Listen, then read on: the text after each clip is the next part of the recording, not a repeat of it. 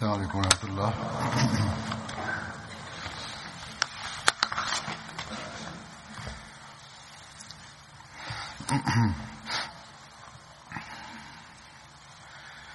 أشهد أن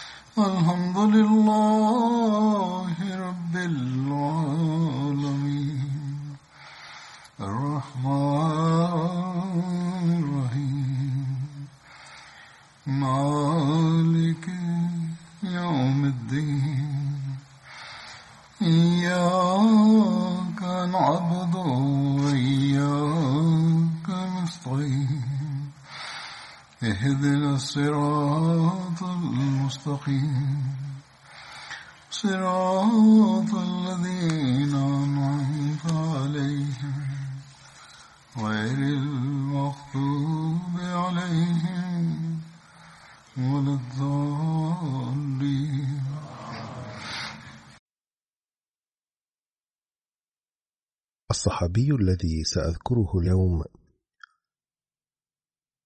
هو حضرة مصعب بن عمير رضي الله عنه.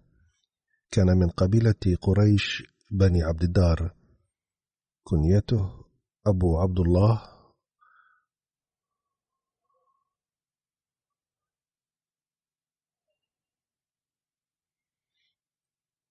وقيل أنه يكنى أبا محمد أيضا والده عمير بن هاشم وأمه خناس بنت ملك وكانت كثيرة المال.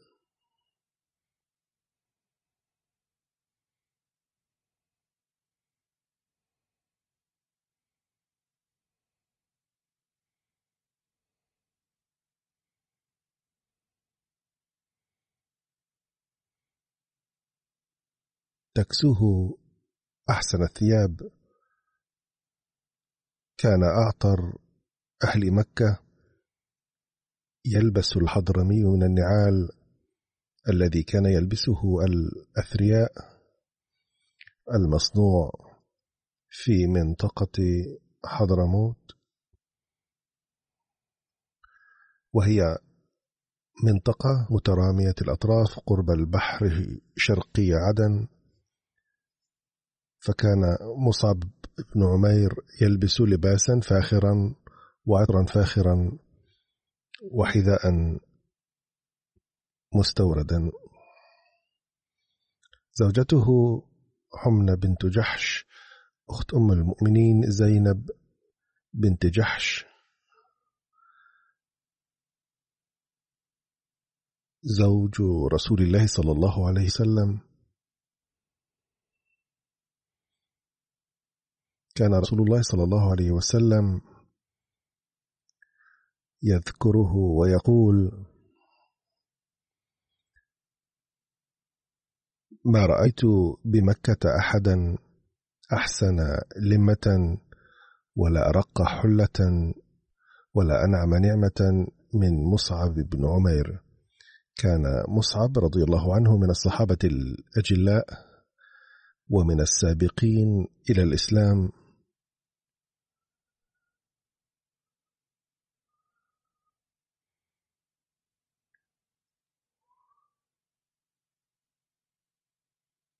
وقد أسلم حين كان النبي صلى الله عليه وسلم يبلغ الدعوة في دار الأرقم ولكنه أخفى إسلامه خوفا من أمه وقومه. وكان يحضر عند النبي صلى الله عليه وسلم سرا إلى أن أبصره عثمان بن طلحة يصلي فأخبر قومه وأمه. فحبسه أبواه فلم يزل محبوسا إلى أن هجر إلى الحبشة. وبعد فترة رجع المسلمون من الحبشة إلى مكة وكان مصعب بن عمير معهم. ولما رأت أمه حالته المزرية تخلت عن معارضته وتركته وشأنه. وفق مصعب للهجرتين. هجرة إلى الحبشة. وهجرة إلى المدينة يقول سعد بن أبي وقاص ما معناه رأيت مصعبا في زمن الرخاء وبعد إسلامه. وقد جهد في الإسلام جهدا شديدا حتى رأيت جلده يتحشف كما يتحشف جلد الحية. أقول كانت معايير تضحيات الصحابة المحيرة للعقول. ذات يوم جاء مصعب بن عمير إلى النبي صلى الله عليه وسلم حين كان النبي صلى الله عليه وسلم جالسا مع أصحابه. كانت على مصعب بردة مرقوعة بفرو. كان من قبل يلبس لباس فاخرا أما الآن فقد آلت حالته إلى أن يلبس لباسا مرقوعا بفرو. حين رآه الصحابة خفضوا رؤوسهم إشفاقا به ولأنهم كانوا غير قادرين على تحسين حالته رضي الله عنه. جاء مصعب بن عمير وألقى السلام فرد عليه النبي صلى الله عليه وسلم وأثنى عليه وقال ما معناه؟ الحمد لله طوبى لأهل الدنيا دنياهم. ثم قال ما رأيت بمكة أحدا أحسن لمة ولا أرق حلة ولا أنعم نعمة من مصعب بن عمير كان أحب أولاد أبويه. ولكن حب الله حب الله ورسوله أوصله إلى هذا الحد إذ قد تخلى عن كل شيء في سبيل الله تعالى ولنيل رضاه. يقول سعد بن أبي وقاص رضي الله عنه ما مفاده لما رأى النبي صلى الله عليه وسلم مصعبا على حاله تلك بكى نظرا إلى حياة الترف والعز التي كان ينعم بها سابقا. أي قد تذكر كيف كان مصعب وكيف أصبح يقدم التضحيات الآن. عن علي رضي الله عنه قال إن لجلوس مع رسول الله صلى الله عليه وسلم في المسجد إذ طلع علينا مصعب بن عمير ما عليه إلا برة له مرقوعة بفرو. فلما رآه رسول الله صلى الله عليه وسلم بكى للذي كان فيه من النعمة والذي هو اليوم فيه. ثم قال رسول الله صلى الله عليه وسلم كيف بكم إذا غدا أحدكم في حلة وراح في حلة ووضعت بين يديه صحفة ورفعت أخرى؟ أي تكون هناك أطعمة من شتى الأنواع كما هو الحال اليوم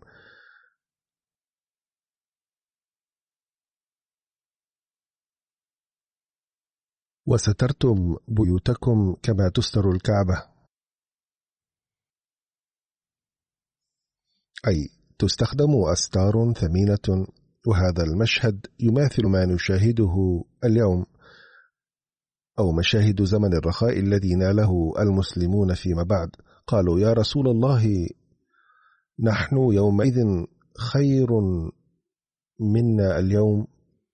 نتفرغ للعبادة ونكفى المؤنة. فقال رسول الله صلى الله عليه وسلم لأنتم اليوم خير منكم يومئذ أي أن مستوى عباداتكم اليوم أرفع وأعلى بكثير مقارنة مع الذي يكون عليه الذين يأتون فيما بعد بسبب نيلهم الرخاء وبحبوحة العيش. قال ميرزا بشير أحمد رضي الله عنه في كتابه سيرة خاتم النبيين عن الهجرة إلى الحبشة وقد ذكرت بعض الأحداث بهذا الشأن في بيان الصحابة الآخرين ولكني سأذكرها باختصار هنا. فيقول ميرزا بشير أحمد رضي الله عنه بأمر من النبي صلى الله عليه وسلم هاجر أحد عشر رجلا وأربع نساء إلى الحبشة في شهر رجب منهم مصعب ابن عمير. يتابع مرزا بشير أحمد رضي الله عنه قائلا من الغريب أن معظم المهاجرين الأوائل كانوا من القبائل القوية والضعفاء بينهم قليلون مما يدل على أمرين اثنين. الأول أن المسلمين الذين كانوا من القبائل القوية لم يكونوا محفوظين من مظالم قريش. والأمر الثاني هو أن الضعفاء مثل الموالي وغيرهم كانوا في حالة من الضعف من الضعف والعجز إلى درجة أنهم ما كانوا يستطيعون حتى الهجرة. على أي حال حين علمت قريش بهجرتهم غضبوا غضبا شديدا لخروج الصيد من أيديهم عبثا. فاتبعوهم ولكن لما وصلوا الساحل كانت السفينة قد ذهبت فعادوا خائبين.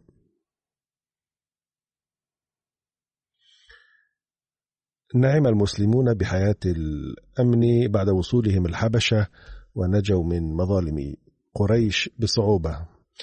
وبعد ذلك أسلم على يد النبي صلى الله عليه وسلم 12 شخصا جاءوا من المدينة وعرفت بيعتهم ببيعة العقبة الأولى وعند عودتهم إلى المدينة أرسل النبي صلى الله عليه وسلم معهم مصعب ابن عمير ليعلمهم القرآن الكريم وتعاليم الإسلام. لقد عرف مصعب في المدينة بلقب مقرئ أي معلم.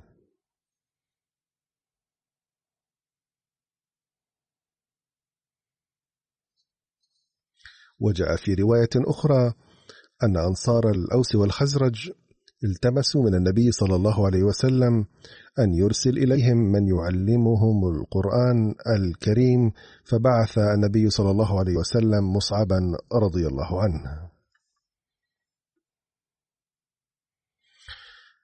أقام مصعب رضي الله عنه في المدينة في بيت أسعد بن زرارة وكان يصلي بالناس إماما.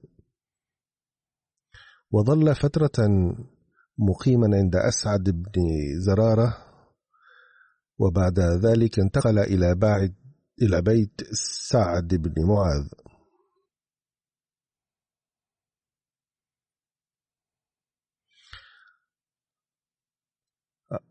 عن البراء بن عازب رضي الله عنهما قال أول من قدم علينا من المهاجرين من المدينة مصعب بن عمير وابن أم مكتوم وكانا يقرئاننا القرآن الكريم. فقدم بلال وسعد وعمار. ثم قدم عمر بن الخطاب. في بعض أصحاب النبي صلى الله عليه وسلم. ثم قدم النبي صلى الله عليه وسلم. فما رأيت أهل المدينة فرحوا بشيء فرحهم برسول الله صلى الله عليه وسلم حتى جعل الإماء يقولن قدم رسول الله صلى الله عليه وسلم.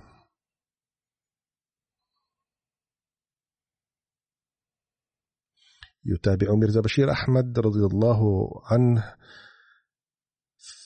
في كتابه سيرة خاتم النبيين عن مصعب بن عمير رضي الله عنه فيقول الذين آمنوا من الصحابة في دار الأرقم هم السابقون وأشهرهم مصعب بن عمير رضي الله عنه الذي كان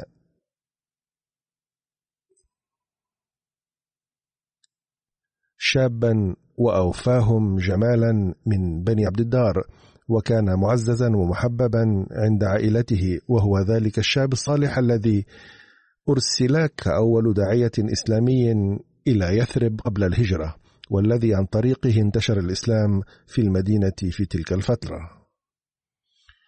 وورد في أحد كتب السيرة أن مصعبا كان أول من صلى بالناس الجمعة قبل الهجرة. لقد استأذن مصعب رضي الله عنه رسول الله صلى الله عليه وسلم قبل بيعة العقبة الثانية لإقامة صلاة الجمعة في المدينة فأذن له النبي صلى الله عليه وسلم فصلى مصعب بالناس أول جمعة في دار سعد بن الخيثمة وكانوا اثني عشر رجلا من المدينة. وذبحت لهم شاة بهذه المناسبة. فكان مصعب بن عمير رضي الله عنه أول من صلى بالناس الجمعة في الإسلام. ولكن هناك رواية أخرى تقول أن أبا عمامة أسعد بن زرارة أول من صلى بالناس الجمعة.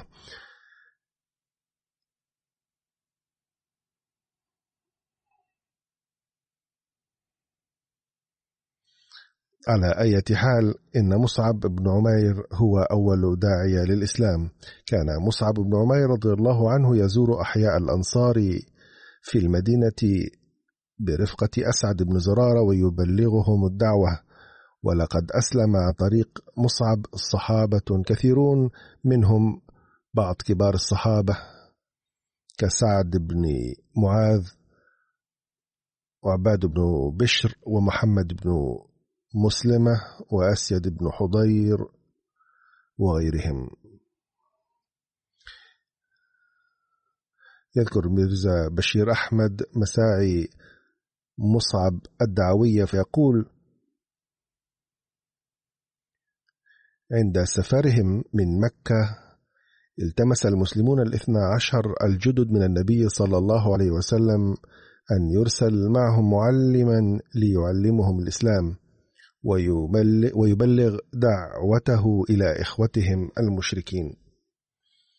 فأرسل النبي صلى الله عليه وسلم معهم مصعب ابن عمير الذي كان شابا شديد الإخلاص من بني عبد الدار. كان الدعاة المسلمون في تلك الأيام يسمون قراء أو مقرئين لأن تلاوة القرآن على الناس كانت من أهم واجباتهم. وكانت أفضل وسيلة لتبليغ الدعوة فذهب مصعب إلى يثرب وعرف فيها بلقب مقرئ. لقد أقام مصعب رضي الله عنه في المدينة بدار أسعد بن زرارة والذي كان أول من أسلم بالمدينة وكان مخلصا وصالحا وذا أثر ونفوذ. فجعل مصعب دار أسعد بن زرارة مركزا لدعوته وانشغل في أداء واجباته بكل نشاط.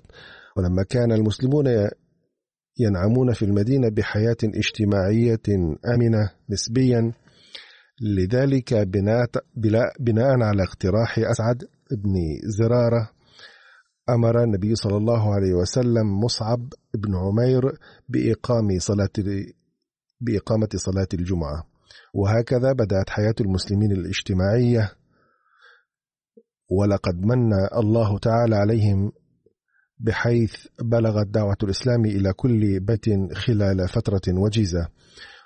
وأخذ الناس من الأوس والخزرج يدخلون في الإسلام بسرعة كبيرة وأحيانا كانت القبيلة كلها تسلم في يوم واحد. فكان بنو عبد الأشهل قد أسلموا هكذا مرة واحدة.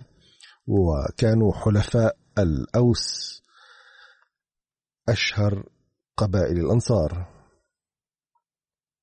وكان رئيسها سعد ابن معاذ الذي لم يكن رئيسا لبني عبد الأشهل فحسب بل كان من زعماء الأوس أيضا. لما كثر أتباع الإسلام في المدينة كرهه سعد بن معاذ وأراد منعه. وكان قبل ذلك إسلام قبل إسلامه معارضا شديدا ولكن كانت له قرابة مع أسعد بن زرارة بحيث كان ابن خالته وكان قد أسلم.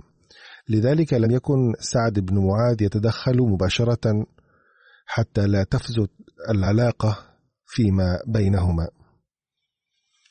فأخبر قريبه الآخر أسيد ابن حضير بأنني تمنعني قرابتي من التكلم مع أسعد بن زرارة الذي أسلم وشارك مصعبا في تبليغ الدعوة.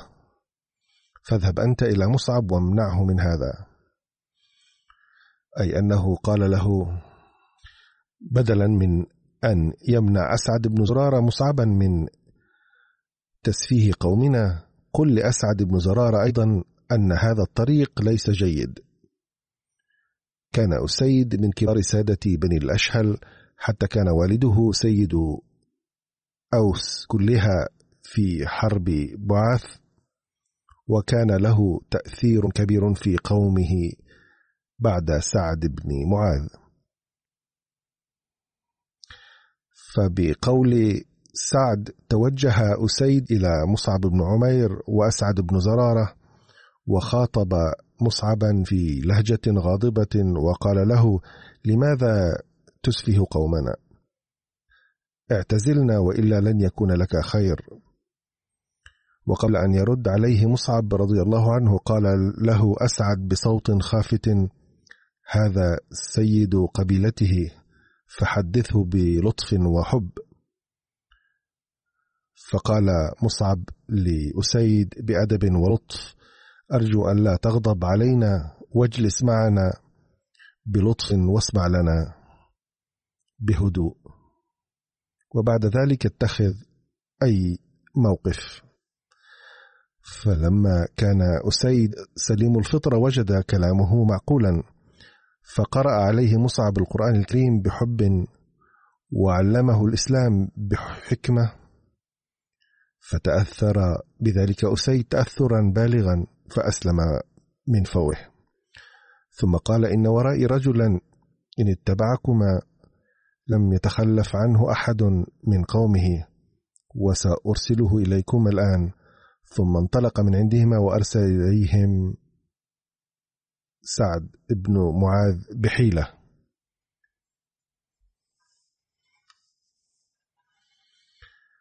فلما وصل إليهما سعد بن معاذ قال لأسعد بن زرار بغضب إنك تستغل قرابتي معك وهذا لا يجوز وأنا أمنع نفسي عنك بسبب القرابة فلا تستغل وضعي هذا. فهدأه مصعب بلطف كما فعل من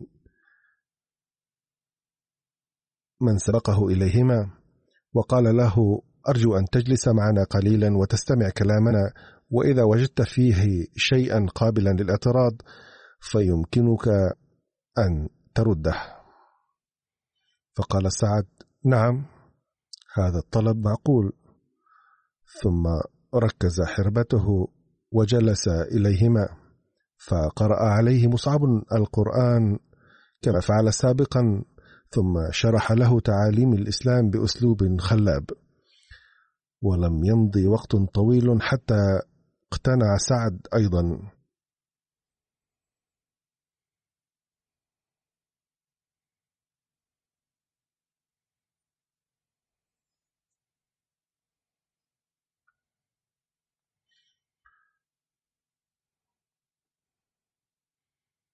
فاغتسل بطريق مسنون وشهد شهادة الحق.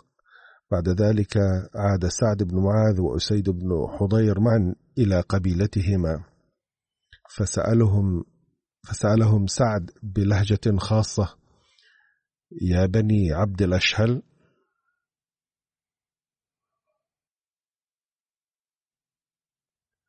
كيف تعلمون أمري فيكم؟ قالوا سيدنا وابن سيدنا ونثق بقولك كل الثقة. فقال فإن كلام رجالكم ونسائكم علي حرام حتى تؤمنوا بالله ورسوله. ثم شرح لهم تعاليم الإسلام فما أمسى في دار بني عبد الأشهل رجل ولا امرأة إلا مسلما أو مسلمة. ثم أخرج سعد وأسيد رضي الله عنهما أوثان قومهما وكسراها بأيديهما. سعد بن معاذ وأسيد بن حضير اللذان أسلما ذلك اليوم يعدان من أجلة الصحابة. ويقول حضرة ميرزا بشير أحمد رضي الله عنه أنه من المؤكد أن مكانتهما كانت عظيمة جدا. أما سعد فحظي في الأنصار بمكانة نالها سيدنا أبو بكر رضي الله عنه في المهاجرين.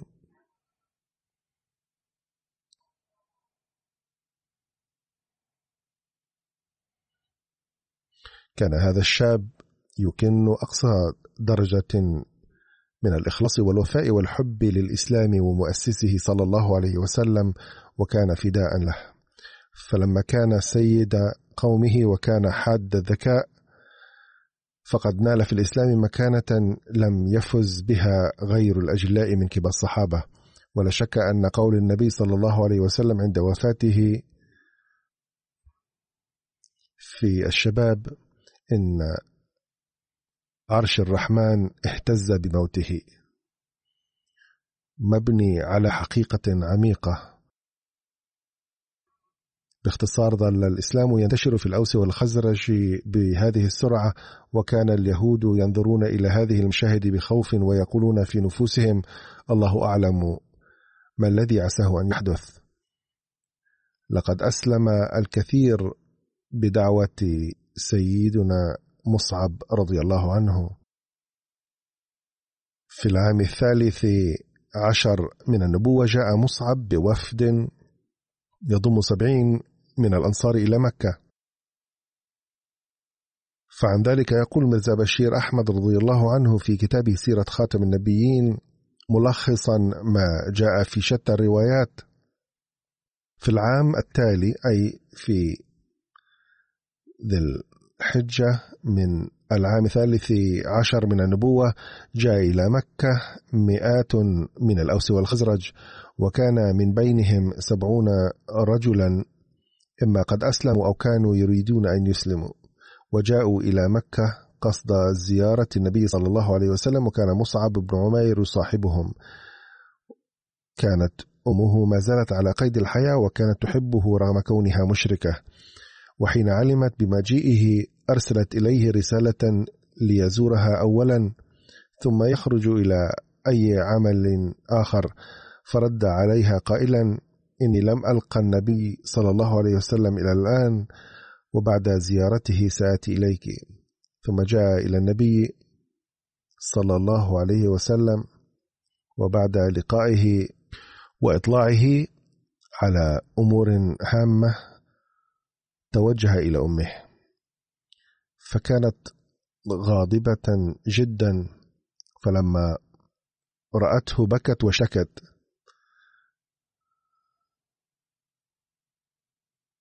فقال لها مصعب رضي الله عنه يا أمي انصتي إلي سأقول لك أمرا حسنا لعله يكون مفيدا لك وينحسم به النزاع كله. فقالت ما هو؟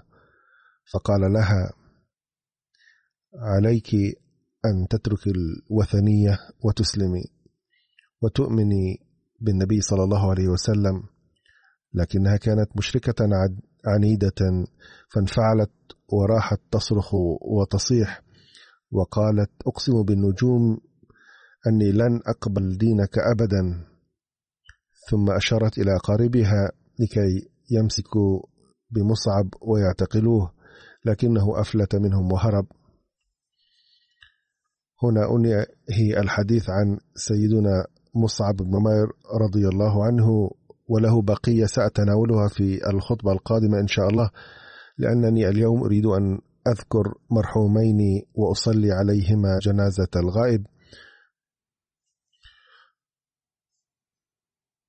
وأحد هذين المرحومين السيد ملك منور أحمد جاويد المحترم ابن السيد ملك مظفر أحمد وتوفي في الثاني والعشرين من فبراير الحالي عن عمر يناهز 84 عاما.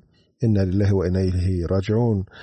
كان مصابا بمرض الكبد منذ فترة فدخل مستشفى طاهر لأمراض القلب حيث انتقل إلى رحمة الله بعد عشرة أيام. كان المرحوم منخرطا بنظام الوصية وترك وراءه زوجة وأربعة أبناء وابنتين. كان جده لأبيه الدكتور ظفر الله تشودري رضي الله عنه من دهرم كوت رنداوة. وجده من جهة أمه.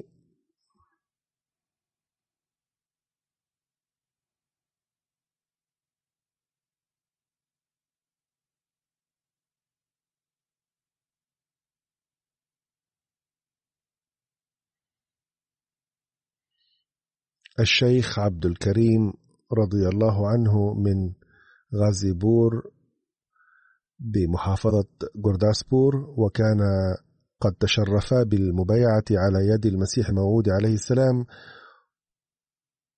وكلاهما صحابيين مخلصين.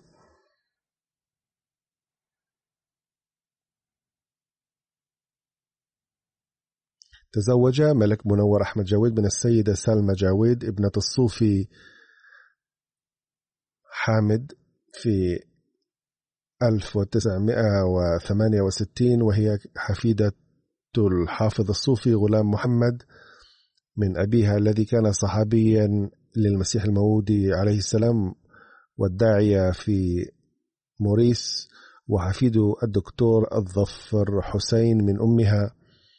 الذي كان صحابيا للمسيح الموعود عليه السلام كما قلنا كان الصوفي غلام محمد من موريس من الثلاثمائة وثلاثة عشر صحابي للمسيح الموعود عليه السلام.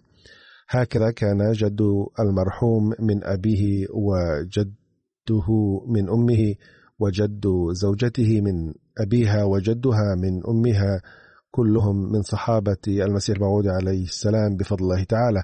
كان المرحوم في مناسبة وهو يتحدث عن وقف حياته وتوجهت إلى الوقف حين كنت أسمع خطاب الخليفة الرابع رحمه الله في الاجتماع السنوي لمجلس أنصار الله عام 1982 فبين حضرته في خطابه أهمية الوقف وقال في نهاية خطابه قولا مفهومه ألا تريدون أن يخرج نفسكم الأخير في الوقف. بعد ذلك قرر المرحوم أن يوقف حياته. فكتب إلى حضرة الخليفة الرابع رحمه الله للموافقة فوافق حضرته على طلبه في الثامن عشر من آب أغسطس 1983 وقال له يمكنك أن تنهي عملك وتأتي كان المرحوم رجل أعمال حينها وعينه الخليفة الرابع رحمه الله أولا في وكالة الصنعة والتجارة.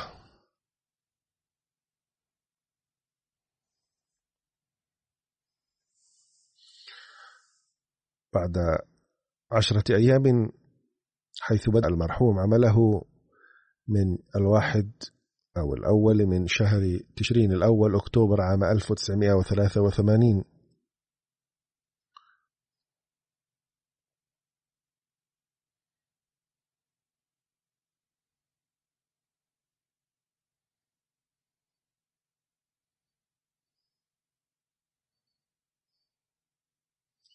وقبل وقف حياته كان يشتغل في الأمانات العامة لحكومة البنجاب لمدة 16 عاما وبعد ذلك ظل يعمل بأعمال خاصة. وفي تشرين الثاني نوفمبر عام 1983 عين مدير مجلة Review of Religions مقارنة الأديان وفي عام 1984 عين معاونا لناظر الضيافة.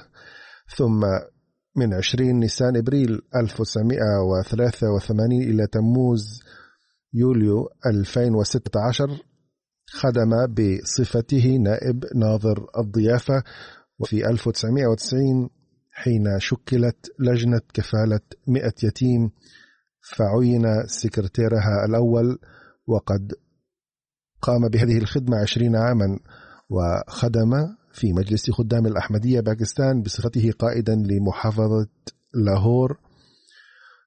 وللمنطقة من 1968 إلى 1978 لعشر سنوات تقريبا وخدم في مجلس أنصار الله باكستان من 1984 إلى 2014 لمدة 21 عاما بصفته قائد التحريك الجديد وقائد التربية وقائد الإشاعة وفي السنوات الخمس الأخيرة خدم بصفته نائب الرئيس لمجلس أنصار الله في باكستان.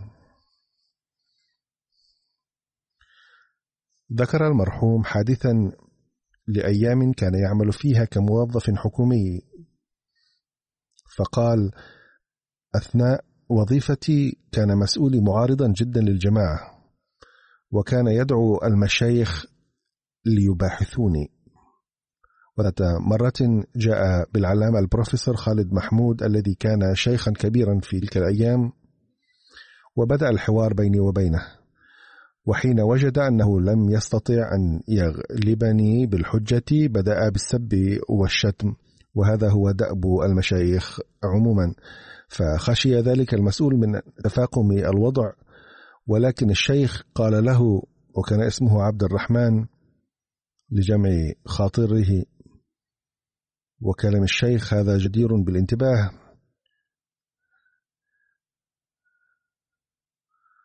إذ كان يوقن من صميم قلبه أن الله تعالى مع الأحمديين فقال إن هؤلاء الناس يعني الأحمديين ظلموا الله والرسول والكتاب أي كلام الله لدرجة أنه كان لابد من أن يهلكهم الله تعالى ولكنه لم يهلكهم لماذا؟ لأنهم كل مرة ينجون من الهلاك لماذا ينجون؟ لأنهم يبكون كثيرا في صلواتهم قال المرحوم ملك منور قلت للشيخ يا علامة أرجو أن, أرجو أن تكتب لي هذا فقال الشيخ له في البنجابية لن أكتب. فلو كتبت اليوم نشرتموه غدا في الجريدة. هذا يعني أنه كان يسلم بأن الأحمديين يتضرعون في الصلوات وأن أدعيتهم تنفعهم دائما. والله تعالى يستجيب لأدعيتهم. وبالرغم من يقينه بأن الله معنا إلا أنه يحسبنا على الباطل. فتح الله تعالى عيونهم أن إذ يجرون الناس إلى طريق الضلال وأنقذ الناس أيضا من دجل هؤلاء المشايخ وخداعهم. هناك معاون لناظر الضيافة هو السيد أسامة أظهر يقول كان منور أحمد جويد يملك قدرات عظيمة للإدارة وكان يستيقظ في الليالي ويطوف بدار الضيافة ويسأل العاملين ويهيئ لهم الشاي والبيض المسلوق بحسب الطقس. وكان يعامل العاملين في على دار الضيافة بحب ولطف وعطف.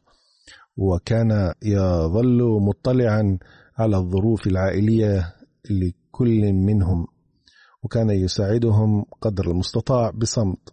وقال السيد نديم الذي هو زوج ابنته وابن أخته كان السيد ملك يوصيني دوما بالالتزام بالصلوات وبحب الخلافة وبخدمة الدين. وأخبرني ذات مرة أنه بعد التقاعد قرر أن يقطع تبرعاته التطوعية إلى النصف لأن دخله كان قد قل بعد التقاعد. قال المرحوم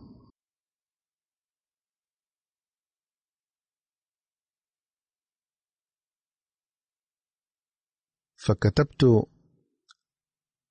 جدول وعودي للتبرع ونمت. فرأيت في الرؤيا أن الله تعالى جاءني وقال لي إنني عالم الكون كله وعلمت أنك خفضت تبرعاتك إلى النصف. تعال أريك ملكوتي. فأراني الله تعالى الجبال والأودية والأنهار والحدائق ثم قال سبحانه وتعالى لما كنت أنا مالك كل شيء فلماذا تقلق؟ فقال المرحوم سمعت هذا الكلام فسيقظت وتخليت عن نيتي لخفض تبرعاتي إلى النصف.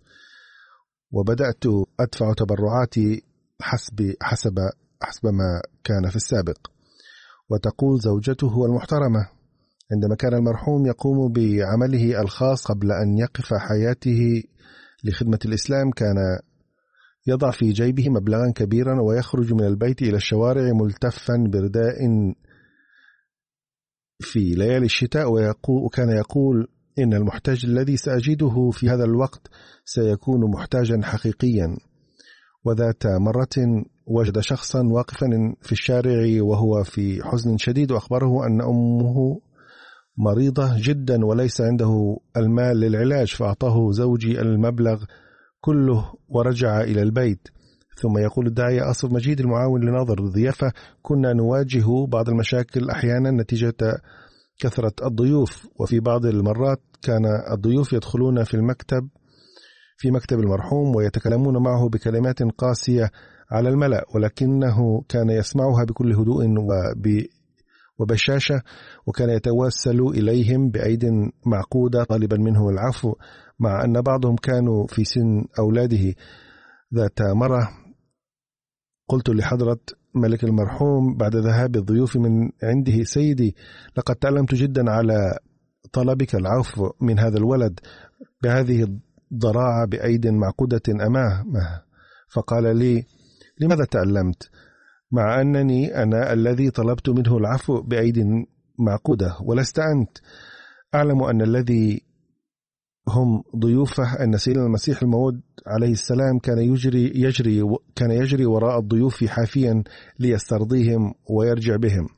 ثم كتب السيد آصف المحترم مرة كنت جالسا في مكتب المرحوم فقص علي قصة وقال دخل في مكتبي مرة ضيف كبير السن غاضب وقال لي بالبنجابية هل أنت ملك منور جويد؟ قلت نعم. أنا ملك منور جويد. فقال بالبنجابية هل دار الضيافة هذه ملك لأبيك؟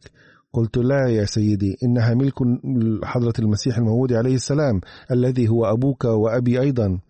فلما سمع الضيف هذا الجواب اطمأن وقدم قضيته بكل هدوء ومحبة وذهب. لا شك أن الضيوف أيضا يتصرفون تصرفا خاطئا في بعض الأحيان. وأتلقى أيضا الشكاوي بأن رجال دار الضيافة تصرفوا هكذا وهكذا ولكن بعد تحري الأمر يتبين أن الضيوف أيضا يفتقرون إلى الصبر. لا شك أن على قسم الضيافة إكرام الضيوف لكن من واجب الضيوف أيضا أن يتحلوا بأخلاق سامية ويسعون للتعاون مع المسؤولين في مثل هذه المواقف. على كل حال قد أدى ملك المرحوم حق الوقف. عندما كنت أعمل ناظرا أعلى كنت ناظر الضيافة أيضا وكان المرحوم نائبي وقد وجدته حريصا جدا جدا على أموال الجماعة وكان لا يتردد في قول الحق ورغم أنه كان نائبا لي لكنه لو ارتأى أن أمرا هو أدعى إلى مصلحة الجماعة فكان يقدم لي المشورة خلاف رأيي بلا تردد قائلا. لو فعلنا هذا كان أفضل وهذه هي الميزة التي يجب أن يتحلى بها كل واقف للحياة. أي أن يقدم ما يراه صحيحا مع مراعاة الأدب والاحترام. أما علاقته علاقة وفائه بالخلافة فكانت عالية جدا وكان ي... كانت تتجلى في كل رسالة له في كل لقاء معي أيضا. وقد قابلني بعد الخلافة مرتين رحم الله الفقيد وتغمده بمغفرته ورفع درجاته وألهم زوجته وأولاده الصبر والسلوان والهمة ووفقهم للاستمرار في فعل الخيرات والحسنات التي كان يعملها. جنازة ثانية هي البروفيسور منور شميم خالد ابن الشيخ محبوب عالم خالد الذي توفي في السادس عشر من فبراير 2020 في ربوة في سن يناهز 81 عاما. إن الله وإنا إليه راجعون. وكما قلت إن والده هو الشيخ محبوب عالم خالد الذي عمل في البداية أستاذا في كلية تعليم الإسلام ثم عينه الخليفة الثالث رحمه الله ناظرا لبيت المال قسم الدخل. وظل يخدم الجماعة بهذا المنصب مدة طويلة ثم عينه حضرة الخليفة الرابع رئيسا لمؤسسة صدر أنجم من أحمدية وكان المرحوم شميم خالد أكبر أبنائه. لقد ترك المرحوم خلفه أرملة. شهد منور شميم وهي زوجته الثانية أما الزوجة الأولى فهي متوفاة وله منها ابن اسمه خالد أنور ويقيم في كندا وفي عام 1964 عندما كان الخليفة الثالث رحمه الله يعمل عميدا لكلية تعليم الإسلام ورئيسا لمؤسسة صدر أنجما أحمدية. أعلن عقد قران المرحوم منور شميم خالد في المسجد المبارك.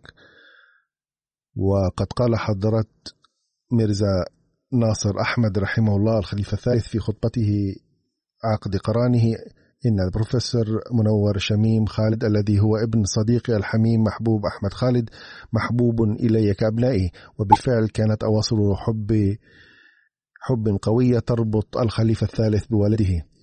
إن خدمات المرحوم في مجلس أنصار الله المركزية بباكستان ممتدة لثمانية 28 عاما لقد عمل بروفيسورا في كلية تعليم الإسلام بربوة قبل تأميمها.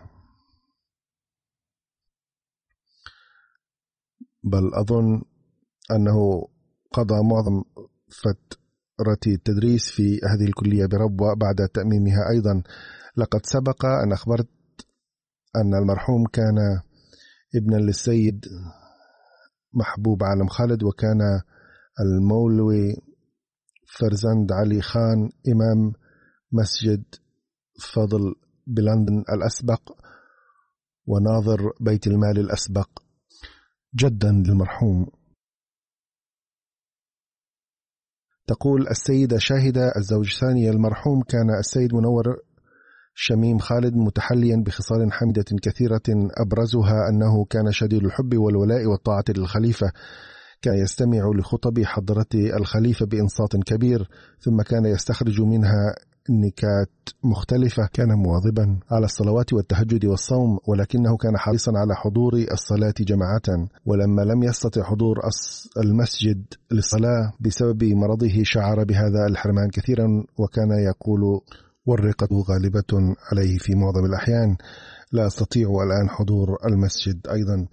قضى فترة مرضه بمنتهى الصبر والهمة ولم يتأفف ولم يشتكي قط بل كان لسانه تقول دائما الحمد لله كانت خدمة الدين والإخلاص والوفاء وبذل الجهد ومن أبرز خصاله كان يخدم بصمت كان جدا مشفق ووفي ومحب. عندما كان يدرس في الكلية تعلمت على يده ببعض الوقت وعندما بدأت أعمل بصفتي الأمير المقام والناظر الأعلى عاملني بمنتهى الأدب والاحترام ولم يشعرني قط أنني كنت من تلاميذه. كان ملتزما بنظام الخلافة ونظام الجماعة ومطيعا إلى أقصى الحدود. بعد أن صرت خليفة كان حبه وولاؤه لي غير عادي. غفر الله للفقيد ورحمه وأسكنه قريبا من أحبته. سبحانه وتعالى وفق أقاربه الاستمرار في الخيرات والحسنات التي كان يعملها بعد صلاة الجمعة سوف أصلي على المرحومين صلاة جنازة الغائب إن شاء الله.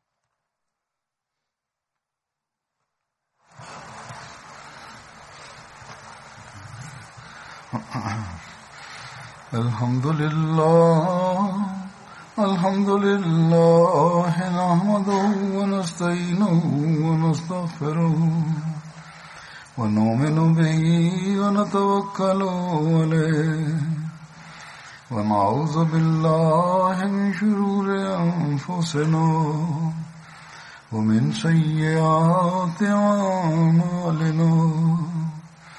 من يهده الله فلا مضل له ومن يضلل فلا هادي له. ونشهد أن لا إله إلا الله ونشهد أن محمدا عبده ورسوله. عباد الله رحمكم الله. إن الله يأمر بالعدل واللسان وإيتاء ذي القربى وينهى عن الفحشاء والمنكر والبغي يعظكم لعلكم تذكرون اذكروا الله يذكركم وادعوه يستجب لكم ولذكر الله أكبر.